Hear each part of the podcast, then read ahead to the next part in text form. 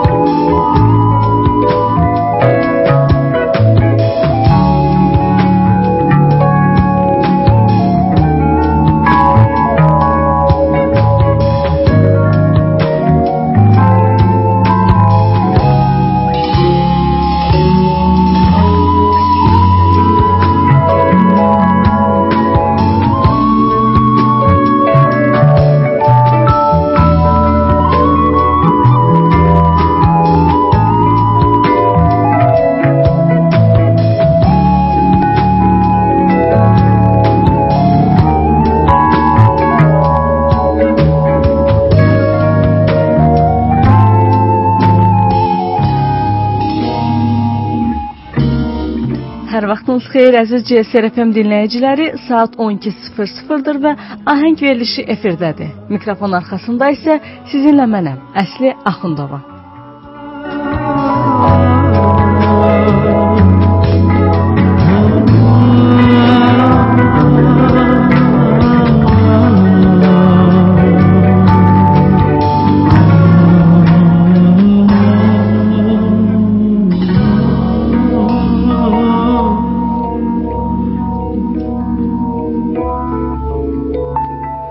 Bu gün efirimizdə haqqında danışacağımız şəxs dünən, yəni 31 mart doğum günü olan bəstəkar Rafiq Babayevdir. Onun həyatı mürəkkəb keçidlər, gözlənilməz improvizələrlə dolu idi. Lap elə caz musiqisində olduğu kimi. 1936-cı il martın 31-də Fərzi və Şahbəyimin çoxuşaqlı ailəsində daha bir övlad Rafiq dünyaya gəldi. Valideynlərin peşəkar musiqiyə bağlılığı olmasa da, uşaqların hamısı musiqiyə meylənmişdi və kiçik bir orkestr qura bilmişdilər.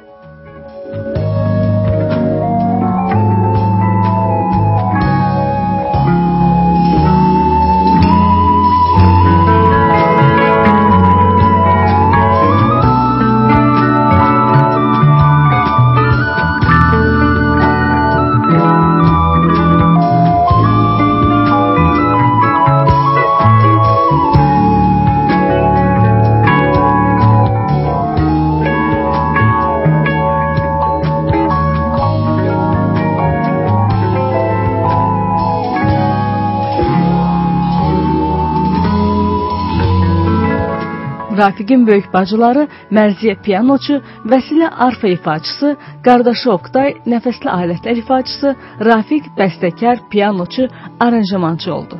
Kiçik bacıları Armanus isə musiqi nəzəriyyəçisi idi. Yəqin ki, valideynləri qızları Emiləni uşaq ikən itirməsəydilər, ailədə daha bir musiqiçi olacaqdı. Babayevlər ailəsində musiqiyə olan bu sevgini, marağı Vəsilə xanım belə izah edir. Bu görkəmli bəstəkar Müslüm Maqamayevin xidmətidir. Babamız Məhəmməd ağa onunla dostluq edir, tez-tez bir-birinə qonaq gedərdilər. Maqamayev Lənkəranda müəllim işləyəndə musiqi axşamları təşkil edər, anan da orada səslənən musiqiyə həvəslə qulaq asarmış. Onun musiqiyə olan bu sevgisi bizə də keçmişdi.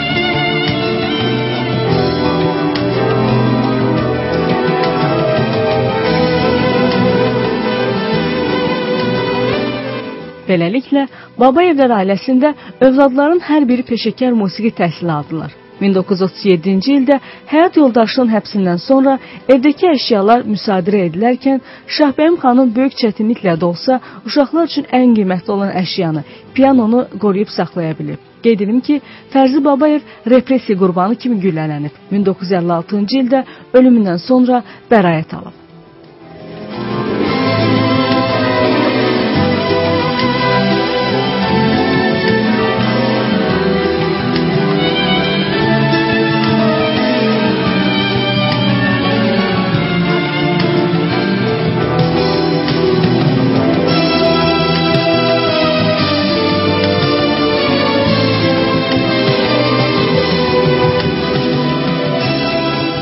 1943-cü ildə Rafiq Musiqi Məktəbinə daxil olur. Musiqi istedadı ilə yanaşı o riyaziyyat fənnini gözəl bilirdi. Məktəbin direktoru tanınmış pianoçu Kövkəb Səfərəliyeva Rafiqə paralel olaraq 160 saylı orta məktəbdə də təhsil almağa icazə verir. 1950-ci ildə Rafiq Asif Zeynallı adına musiqi məktəbinin fortepiano sinfinə daxil olur. Pedaqoq Levinanın sinfində təhsil alan Rafiq öz qabiliyyəti sayəsində başqalarından seçilirdi. Armanus xanım belə deyirdi. Rafiq dönə-dönə bu mahnıları dinləmək istəyirdi. Sadəcə qulaq asmırdı. Dərhal ifa etməyə və onu yazmağa cəhd edirdi. Sonra isə sənətçi bu haqda belə deyir. Biz caz musiqisinin vurğunu idik. Gecələr Oktayla radio qəbul edicinin qarşısında əyləşir, musiqini çətinliklə köhnə maqnitofona yazırdıq.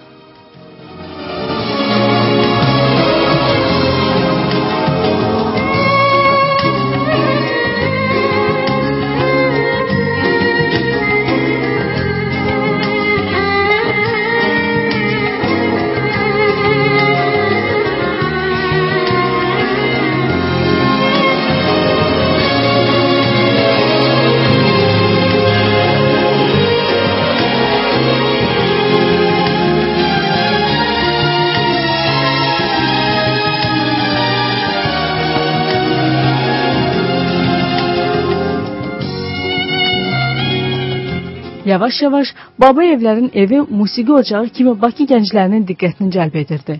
Əzbəyev küçəsindəki bu mənzildə müzakirələr səhərə qədər davam edirdi. Rafiq Babayev caz musiqisi ilə də maraqlanır və improvizasiya ustalığını təkmilləşdirirdi. Hətta 160 saylı məktəbdə o özünün caz bandını da yaratmışdı. 1954-cü ildə buraxılış imtahanında onun ifa etdiyi proqrama klassik əsərlərlə yanaşı Amerikalı caz pianoçu Bill Evansin kompozisiyası da daxil edilmişdi. Kim bilir, əgər komissiyanın tərkibində Fikrət Əmrov olmasaydı, Rafiqin bu cəsarətli çıxışı onun taleyində necə rol oynayacaqdı? Əsl musiqiçi kimi məhz o məzun cəsarətli ifasını layiqincə qiymətləndirdi. Böyük bəstəkarın xeyir-duası həmin gün Rafiqin sənət yolunu böyük hədəflərə yönəltdi. Qarşıda Rafiqi konservatoriya gözləyirdi. Hardasan həyatım, varmısan? Varmısan, yoxmusan?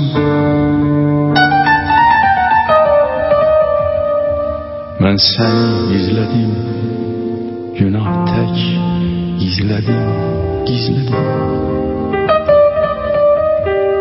Hər səhər, hər axşam, hər gündüz, hər gecə gözlədim.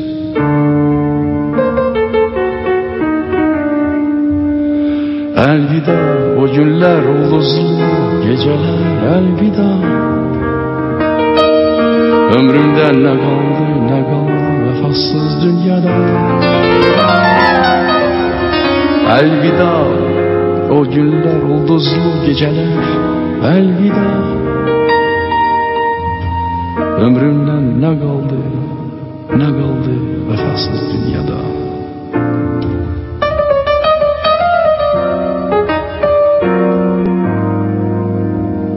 Görüşdük, nə çətin ayrıldıq, ayrıldıq nə asan Hardasan həyatım, varmısan, varmısan, yoxmusan Mən səni izlədim, günah tək gizlədim, gizlədim Hər səhər, hər axşam, hər gündüz, hər gecə gözlədim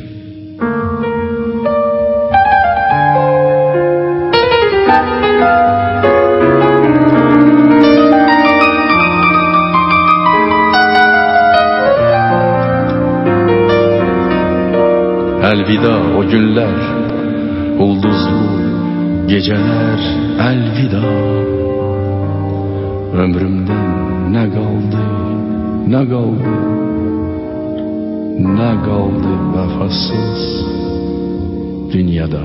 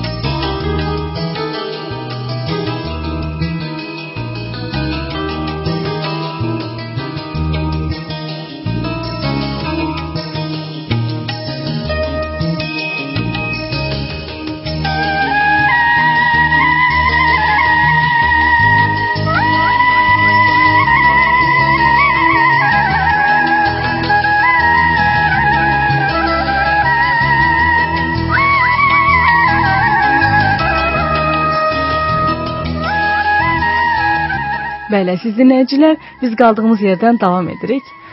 Rafiq konservatoriyaya daxil olma ərəfəsində dilemma meydana çıxdı.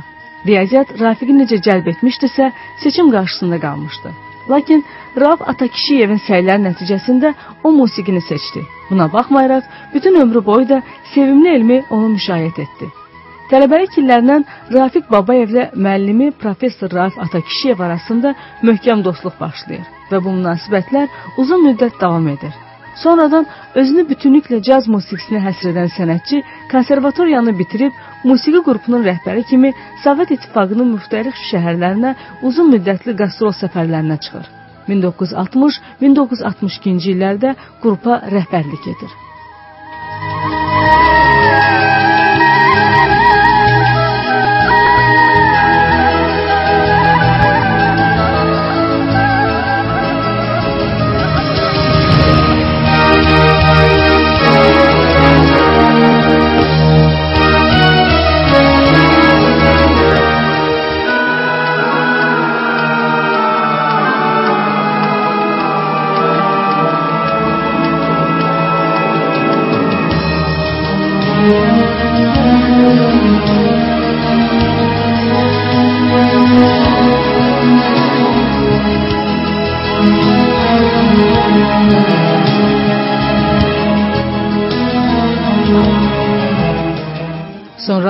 Rafiq Babayevin arxivində xəritə tapılmışdı.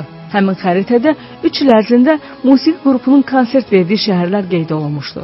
1962-ci ildə qrup parçalanır və onlar Bakıya cibləri pulla dolu qayıdırlar. Bu vaxta qədər heç vaxt Azərbaycandan olan caz ifaçıları belə yüksək qonorar almamışdılar. Gənc sənətçi bu pula anasına mebel, özünə isə royal alır. Digər tərəfdən bu üç il sənətçinin yaradıcılıq həyatında da mühüm rol oynayır. Onun yaradıcılıq fəaliyyətinin coğrafiyası genişlənir və ölkənin sərhədlərini aşır.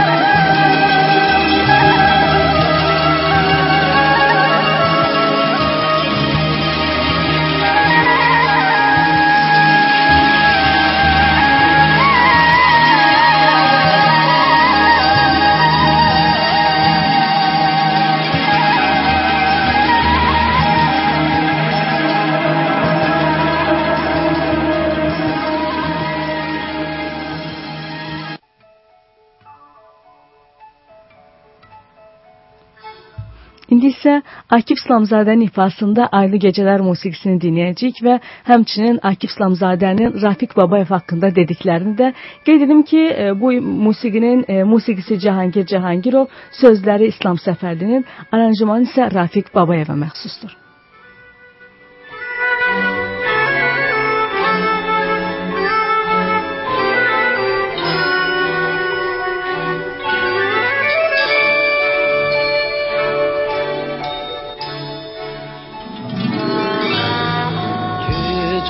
Sakit çay aktı Bal sulardan ay baktı Ey gönül gel cığlana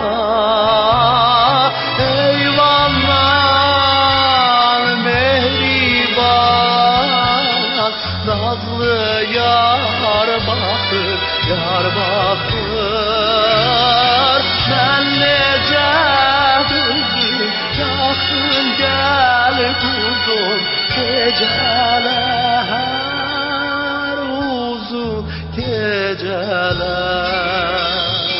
Rafik Babayev bir dost, bir kardeş, bir müəllim, bir ustad. Sıralamasına ne istiyorsun öyler. Hamısı bizim için birdir. Hem dostum olur, hem ustadım, müəllimim olur. Hem de bir insan kimi əmin ki, mənim üçün nümunəvi bir insan olur. Yəni əxlaq, mərifət sahibi. Rafik Babayev bütün bunları özündə tamamlayan bir insan olur. Bəzən içimən qarışıq, hansısa çatışmayan cəhətlərimiz var da, hardasa. Amma Rafiqlə mən 70-ci illərin əvvəlindən tanış olmuşam, 72-ci ildə daha doğrusu. Mən onda o deyirlər ki, filan kesin ətəyində namaz qılmaq olar. Rafiqin ətəyində namaz qılmaq olar. O qədər əxlaqlı, o qədər mərifətli, o qədər ədəb ərkanlı, bir evlad kimi anasına olan münasibəti görmüşüm onu. Bir evlad kimi anasında o anasına olan məhəbbəti, bir ata kimi evladına olan münasibəti, bir ər kimi yoldaşına olan münasibəti, bir kişi kimi dostlara hamısında qiymət baxımından ən böyük qiymət əgər 5-dirsə, 5 hələ bir üstəgəl bir müsbət də qoymaq olar. Azərbaycan ana dilimizdə nə qədər kişi xeylanın ünvanına müsbət fikir varsa, söz varsa, cümlə varsa, hamını Rafi Babayevin ünvanına həvalə eləmək olar. İlə bağlamaq olar. Və Rafi bəy belə bir tam idi. Belə bir insan idi, belə bir şəxsiyyət idi. uzun geceler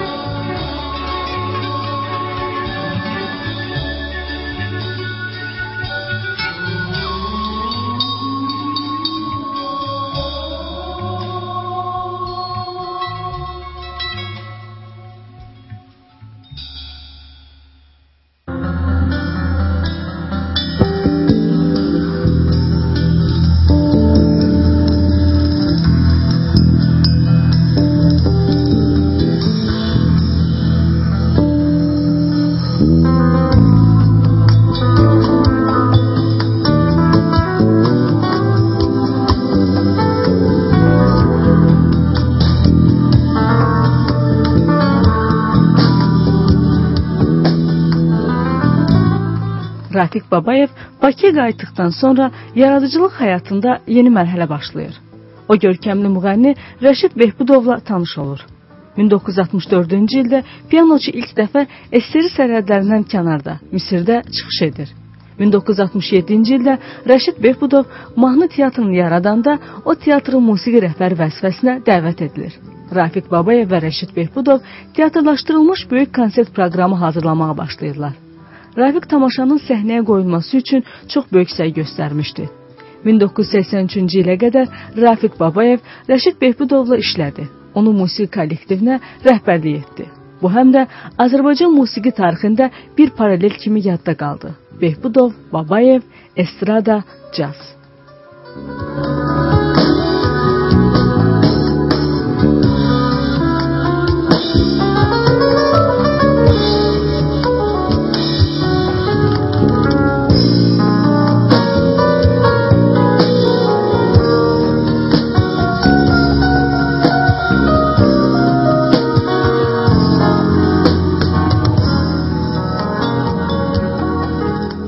illər ərzində sənətçi caz musiqisi sahəsində yaradıcı işini də davam etdirir.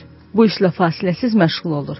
Caz festivallarında iştirak edir. 1967-ci ildə Tallin şəhərində keçirilən beynəlxalq caz festivalında Rafiq Babayevin ansamblı laureat olur. Onun Bayatı Kürt ladında ifa etdiyi kompozisiya xüsusi qeyd edilir. Həmin illərdə sənətçi ictimai işlərlə də məşğul olur. Müxtəlif müsabiqələr, baxış və festivallar təşkil edir. Onun yaradıcılıq fəaliyyəti pedaqoji işlə, gənc instrumental musiqiçi və vokalçılarla həmişə bağlı olub. Rafiq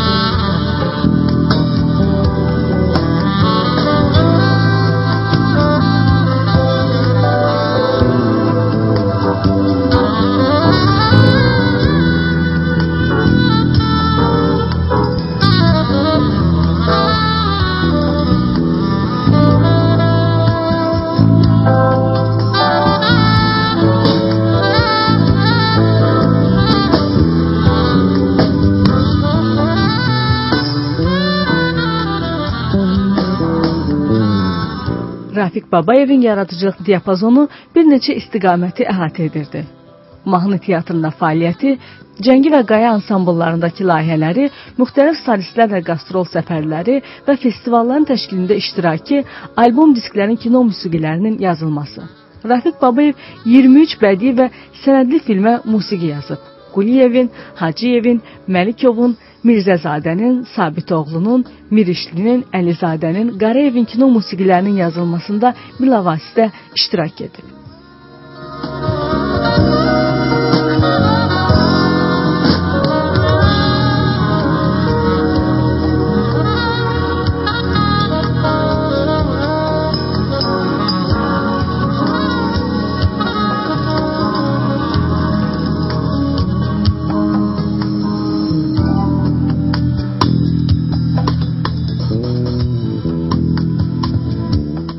Sənətçinin qızı musiqişünas Fərizə Babayeva bu haqda belə deyir.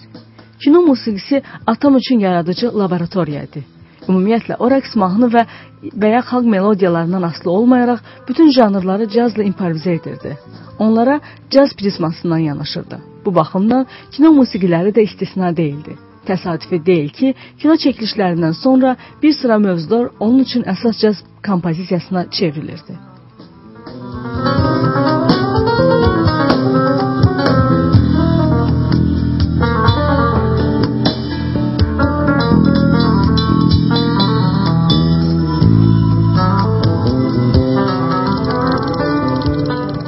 ...1978-ci ildə Rafiq Babayev Vaqif Mustafazadə ilə birlikdə müştərək disk layihəsi üzərində düşünür. Bu layihənin reallaşması tanınmış caz ifaçısının Daşkənd festivalından qayıtmasından sonra baş tutacaqdı. Lakin Vaqif Mustafazadənin Özbəkistanda vəfat etməsi bu layihənin həyata keçməsinə imkan vermədi. Qeyd edim ki, 1982-ci ildə Rafiq Babayev Azərbaycanda Bəstəkarlar İttifaqının üzvü seçilmiş ilk caz bəstəkarı olub.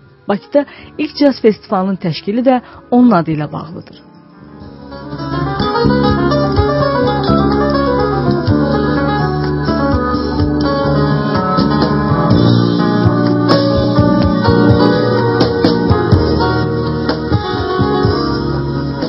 Görkəmli bəstəkar 1983-cü ildən Azərbaycan Dövlət Televiziya və Radio Verilişləri Qapalı Səhmdar Cəmiyyətinin Estrada Simfonik Orkestrına rəhbərlik edib. Bir qədər sonra 1991-ci ildə Rafiq Babayev Cəngi Folklor Caz kollektivini təşkil edir və musiqi layihələrinin həyata keçirilməsinə kömək edən səsyazma studiyası yaradır. o folklor çalğı alətlərindən istifadə etməklə onları qeyri-adi harmoniya ilə zənginləşdirərək qərbə və şərqə xas olan musiqini melodik tərzdə birləşdirərək göz kompozisiyalar yaradırdı. Rafiq Babayevin fitri istedadı, yüksək professionallığı və qeyri-adi əməksevərliyi yüksək qiymətləndirilərək 1993-cü ildə ona Azərbaycan xalq artisti fəxri adı verilmişdi. Müzik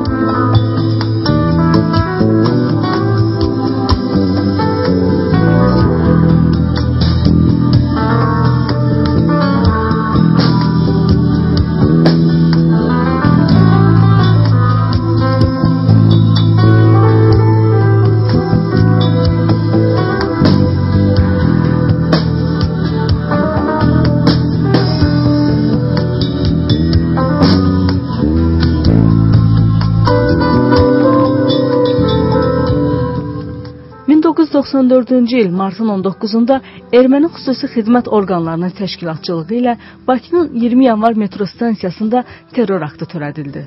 Bu terror nəticəsində həlak olan 14 nəfər arasında Rafiq Babayev də vardı.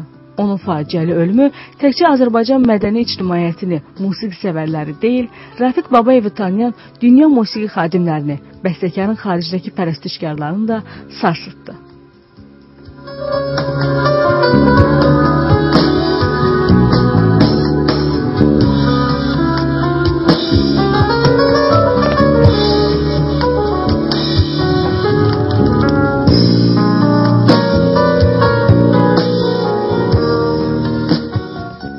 Azərbaycan mədəniyyəti və musiqisinin dünya tanınmasında böyük xidmətləri olmuş Rafiq Babayev öz yaradıcılığı dövründə çoxlu improvizələr etdiyi kimi, onun həyatla vidalaşması da qeyri-adi faciəli oldu.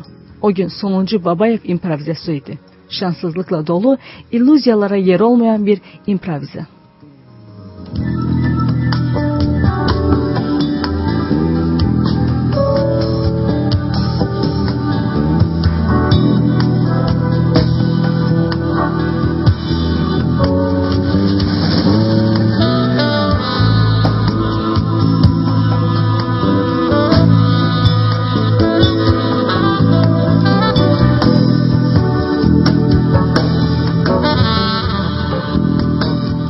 Bəli, əziz dinləyicilər, bizə ayrılan efir vaxtının sonuna gəldik. Bugünkü efirimizin buraxılışı bəstəkar, xalq artisti, cazmen, pianoçu Rafiq Babayeva həsr olundu.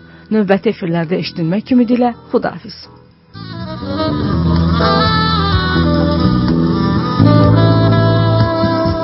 Thank you.